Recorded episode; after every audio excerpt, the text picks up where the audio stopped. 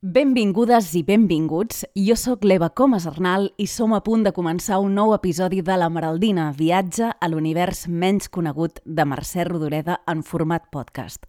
Tercera entrega ja i tant jo com l'Albert Garcia, que s'encarrega de la realització, estem molt contents que ens estigueu acompanyant en aquesta temporada que a poc a poc anem construint. Us haig de dir que ens faria moltíssima il·lusió que si teniu algun suggeriment, alguna idea, allò que dieu «Ai, m'agradaria que toquessin aquest tema», doncs teniu a l'abast les nostres xarxes socials, tal com ho ha fet la Montse, que a partir de l'episodi anterior ens ha demanat que si en algun dels pròxims capítols li volguéssim fer eh, el, el regal de posar-li un trosset de la traducció de la plaça del Diamant al castellà per eh, Sergio Fernández, doncs que ens ho agrairia molt i així ho farem. I així doncs, si tots vosaltres, els nostres oients i les nostres oients, teniu alguna suggerència de que tractem un conte en concret o qualsevol altre tema relacionat amb Mercè Rodoreda, doncs ja ho sabeu, feu-nos-ho arribar a, a través de Twitter o d'Instagram i mirarem de respondre-hi. I així ara, sense més, comencem.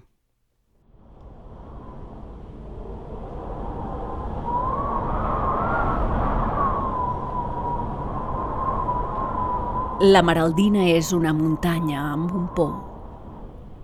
De dintre seu se'n treu pols vermella i aquesta pols barrejada amb aigua, serveix per pintar les cases del poble.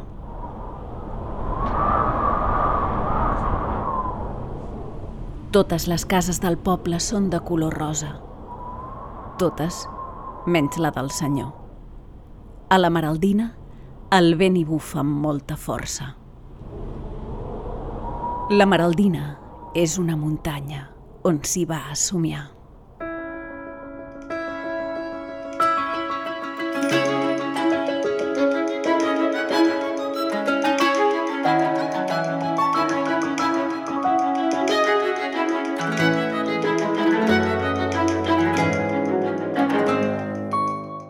Acabem d'entrar a la Maraldina i avui volem viatjar fins al poble de l'Arc Iris. El protagonista d'avui serà aquest fenomen multicolor que apareix sempre al cel després que hagi plogut. Són, ja ho sabeu, set franges de tons vius que vam aprendre tots a dibuixar quan érem petits i petites i que quan ara ets gran i el veus allà dalt del cel sembla una cosa que no pugui ser veritat. En català se'n sol dir l'arc de Sant Martí i això és perquè i es veu que hi ha una llegenda relacionada amb Martí de Tus, però Rodoreda tria exactament l'expressió arc iris i segur que ho va fer per alguna cosa perquè ella era molt conscient del llenguatge que utilitzava i el crea, en aquest cas, per fer un dels seus pobles més sorprenents.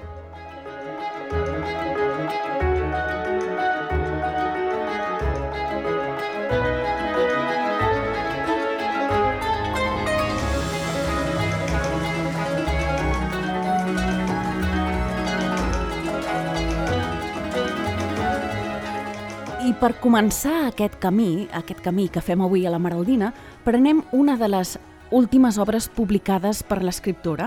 Eh, va ser el juny de l'any 1980 que va sortir a la llum Viatges i flors. Després, uns mesos més tard, sortiria l'última de les novel·les de les obres que Mercè Rodoreda va veure publicades en vida, que va ser el desembre de l'any 80, Quanta, quanta guerra, però avui ens volem centrar específicament en una de les obres que han passat més desapercebudes, per dir-ho així, possiblement per, per aquest tractament més eh, gairebé surrealista que fa de, de la realitat i de la imaginació, perquè és una obra molt imaginativa. I la, la prosa en concret, o conte, no sé si dir exactament conte, però en aquest cas, diguem-ne, prosa, que volem tractar avui, que és el viatge al poble de l'Arc Iris, és potser un dels seus treballs més imaginatius i plens de fantasia que, que, que jo recordo. Uh, hem de dir per això que el llibre Viatges i flors està conformat per dues parts. Són, són dues parts. El llibre és, és molt breu i les proses són realment sintètiques, condensades, no? La primera de les dues parts que recull aquest llibre és Viatges a uns quants pobles i està escrit a Romanyà de la Selva. Això va ser als anys 70, L'altra part, la segona part, és Flors de debò, que també és molt bonica, i que totes aquestes flors van ser escrites a Ginebra com a mínim 15 anys abans. És a dir, que estan ordenades les dues parts de manera diferent. Ella les flors les va escriure en el seu moment esplendorós de creativitat a començaments de la dècada dels 60, quan es va quedar sola a Ginebra i Armand Obiols havia marxat cap a, cap a Viena.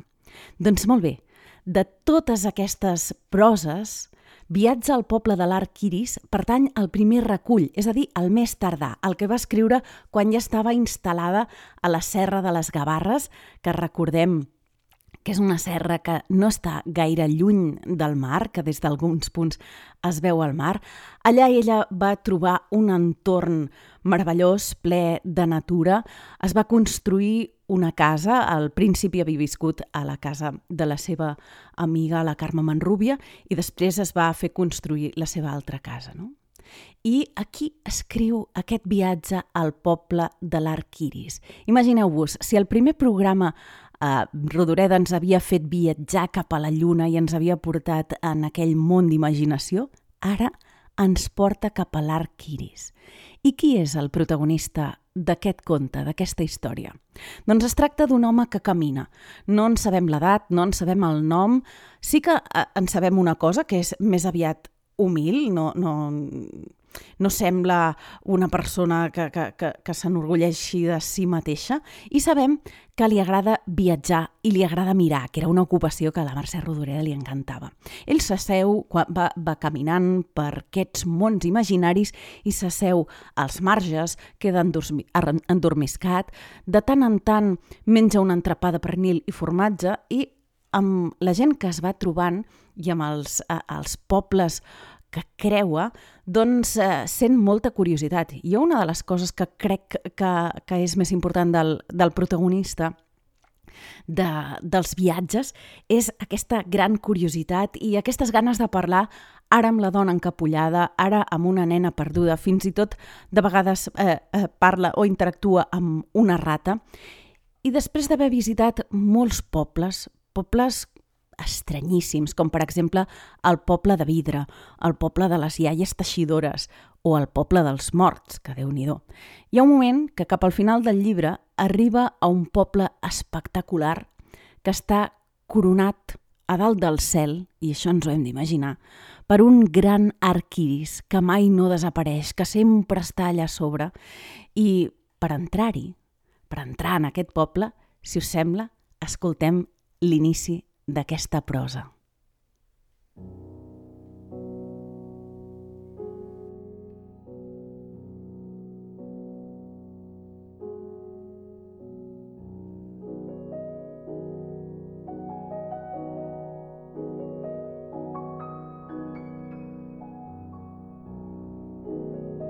Camina que caminaràs. Vaig baixar i vaig pujar muntanyes. Vaig travessar dos rius d'aigua soma i tot d'una. Damunt d'una estesa de boira baixa vaig veure, davant de banda del cel, un arc iris d'un traç tan perfecte i d'uns colors tan esclarits i tan ben destriats que no vaig tenir més remei que encantar-me a contemplar-lo. Em vaig anar acostant a aquella meravella, fins que vaig trobar-me en un camp de lli. Molta gent, sobretot dones, amb un gran cabàs al costat l'anaven collint. Duien vestits llargs fins als peus amb els colors de l'arc iris ratllats horitzontalment. La respiració se'n va quedar tallada. Unes quantes dones em van veure, es van alçar de jupides que estaven i amb un braç en l'aire i un somriure d'orella a orella em van saludar cridant S'ha acabat el diluvi! S'ha acabat el diluvi!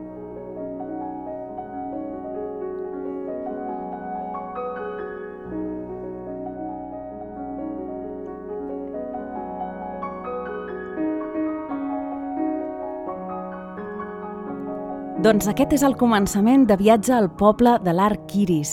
Fixeu-vos quina meravella ens presenta Mercè Rodoreda i em vull detenir només uns moments en, en explicar-vos alguna cosa d'aquest fragment.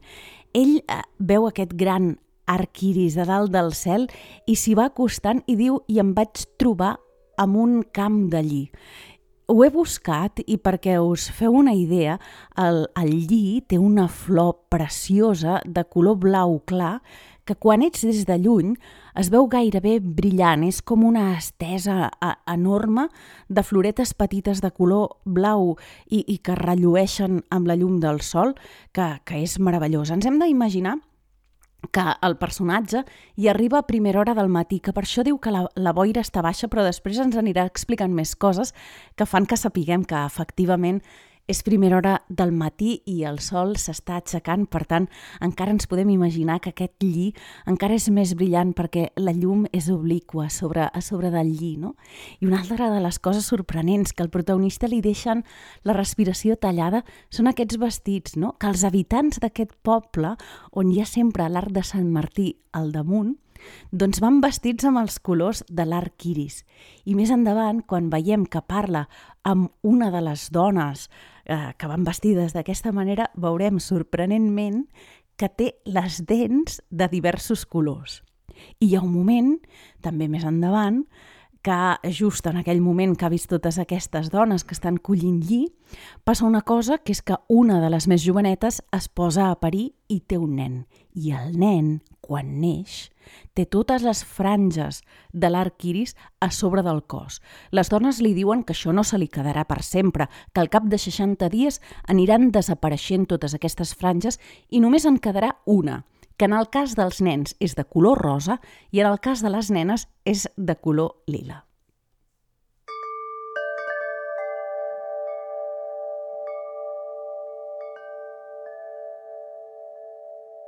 I després d'aquest naixement que hem vist, no us explicaré eh, tot el conte perquè, perquè una de les gràcies de la Maraldina és que us enviï directament cap a, cap a la vostra biblioteca o cap a la vostra llibreria particular a comprar viatges i flors o bé a buscar-lo en els vostres prestatges no? i que, que agafeu el llibre i, i us mireu aquest conte amb, amb curiositat.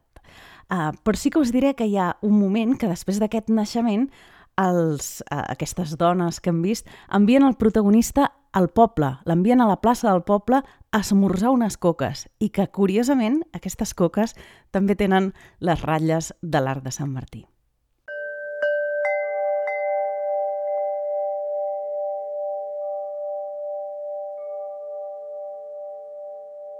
Un dels aspectes més enigmàtics, crec, de, de, del text quan l'estava llegint, almenys en el meu cas, va ser adonar-me d'aquest crit que, que he llegit d'aquestes aquestes dones vestides amb, amb els colors de l'art iris que li diuen al protagonista, li diuen s'ha acabat el diluvi, s'ha acabat el diluvi.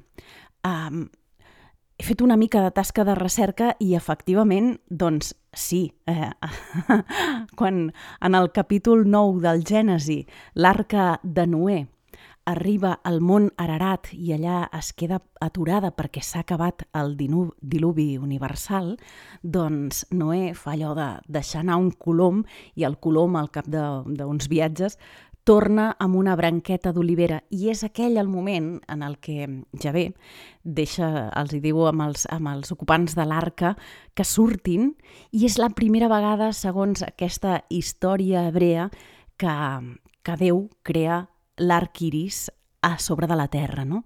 O sigui que l'arc iris és com una tradició i és un símbol, no? I està posat aquí, Rodoreda el posa en el conte eh, absolutament conscient, no?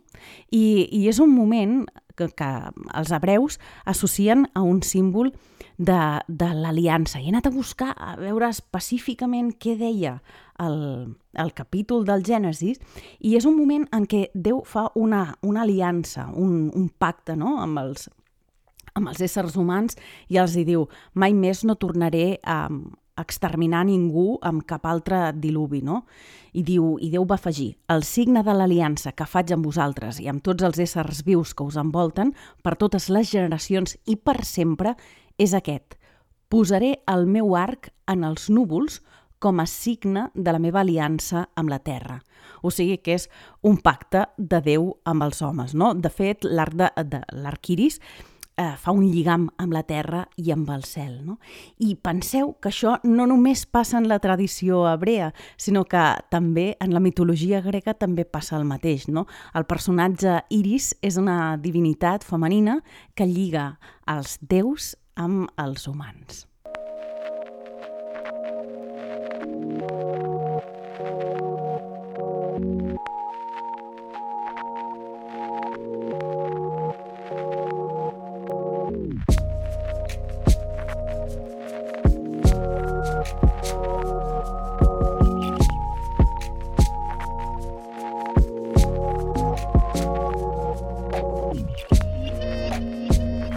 Considero el fet que Rodoreda posi l'arc de l'arc iris just en el moment en què té lloc un naixement, el que ens està indicant l'escriptora és que estem encara en els temps mítics, que això ha passat en aquell moment i continuarà passant i renovant-se una vegada i una altra i que, a més a més, un naixement és un moment de joia. No, no és l'única vegada que l'escriptora de Sant Gervasi introdueix el motiu del de l'arc iris.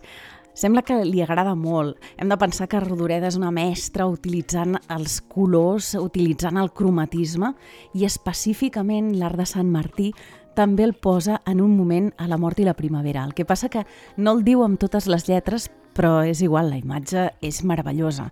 És en el moment en el que el protagonista de la mort i la primavera està descrivint la marastra, que és un altre personatge molt important del llibre, i diu, eh, està explicant no? com és aquesta, aquesta noia, que al començament de la seva redacció té 13 anys i que més tard passa a tenir-ne 16, diu que està asseguda a l'entrada de la casa i que li mira les ungles dels peus.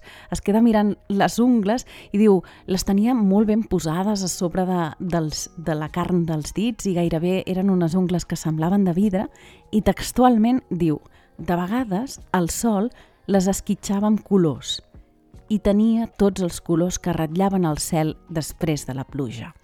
Aquesta és una de les característiques més importants de l'estil de Mercè Rodoreda, que és dir les coses d'una manera com no les ha dit mai ningú, no? I tenir els colors que ratllaven el cel després de la pluja. És a dir, és una forma genuïna de dir l'art de, de Sant Martí. I després, també, a Quanta Quanta Guerra, també surt l'art de Sant Martí i, i és molt bonica la, la imatge. Hem de pensar que tant Quanta Quanta Guerra com Viatges són dues obres que ella escriu relativament en el mateix moment, en aquest moment que he explicat que ella està a la seva casa a la Serra de les Gavarres o a la casa de Carme Manrúbia. Per dir-ho així, és la tornada de Rodoreda a Catalunya. No? Doncs a quanta quanta guerra, al començament, quan està explicant la història de la infantesa d'Adrià Guinart, també el col·loca. I diu així, amb la làmina del diluvi, tots els nens de la classe, fins i els més distrets i endormiscats, es revifaven. Mentre seguia amb el punter la volta de colors de l'arc iris, em semblava que volava per entre el verd i el morat, el groc i el rosa.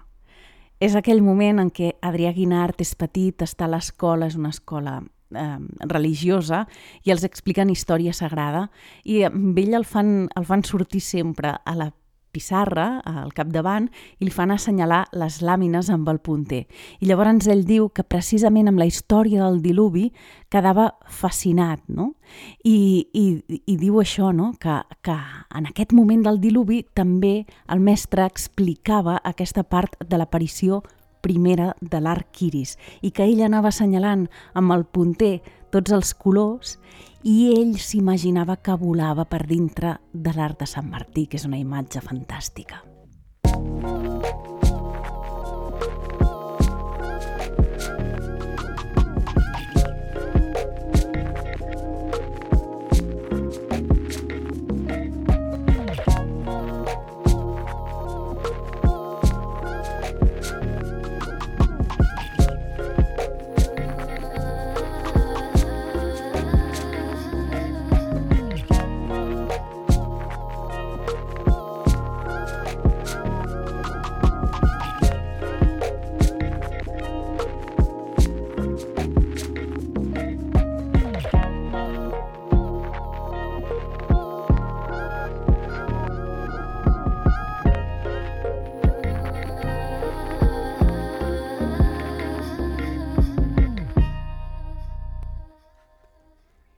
Penso que ens hauríem de preguntar quina és la interpretació d'aquests viatges, no? d'aquests viatges que ens acosten a pobles com per exemple aquest, però que n'hi ha molts altres més, com per exemple el poble a la bruixeria, el poble de les iaies teixidores o el poble de les nenes perdudes, que en realitat no és un poble, sinó que és un bosc.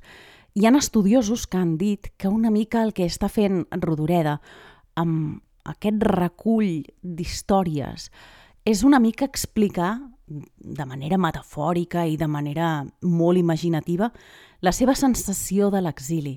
És a dir, ella, quan va marxar l'any 1939 cap a, cap a França i que després va passar per diversos llocs, no?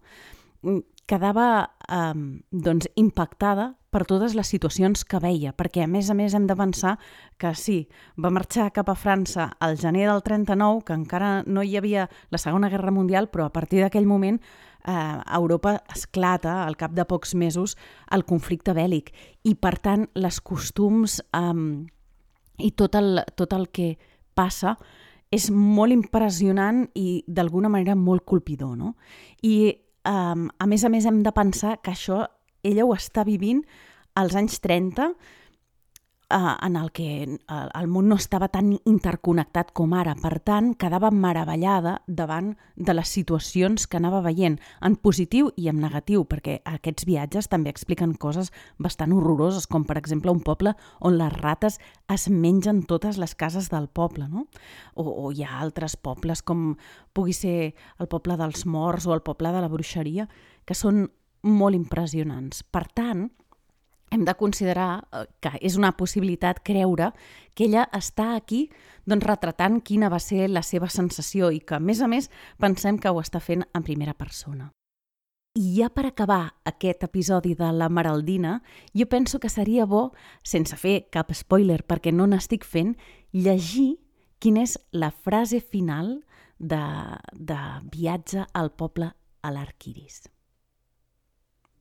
Vaig deixar aquell poble amb una mica de recança, i quan ja era bastant lluny encara sentia cantar «S'ha acabat el diluvi! S'ha acabat el diluvi! S'ha acabat el diluvi!» I l'arc iris tremolava, aixarrancat, amb un peu a cada banda de la terra i amb el llom tocant el cel.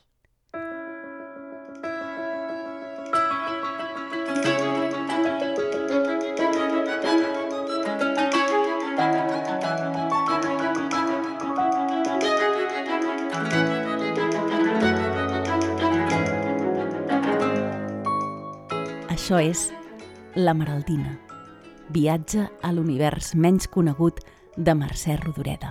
Fins aquí l'episodi d'avui. En pròxims episodis sabrem més coses sobre Mercè Rodoreda i el seu univers desconegut.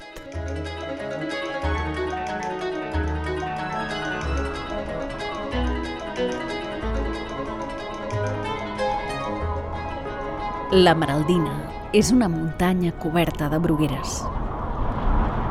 El vent que hi bufa porta ànimes. A la Maraldina hi ha una cova. A dins de la cova s'hi pot viure una segona vida.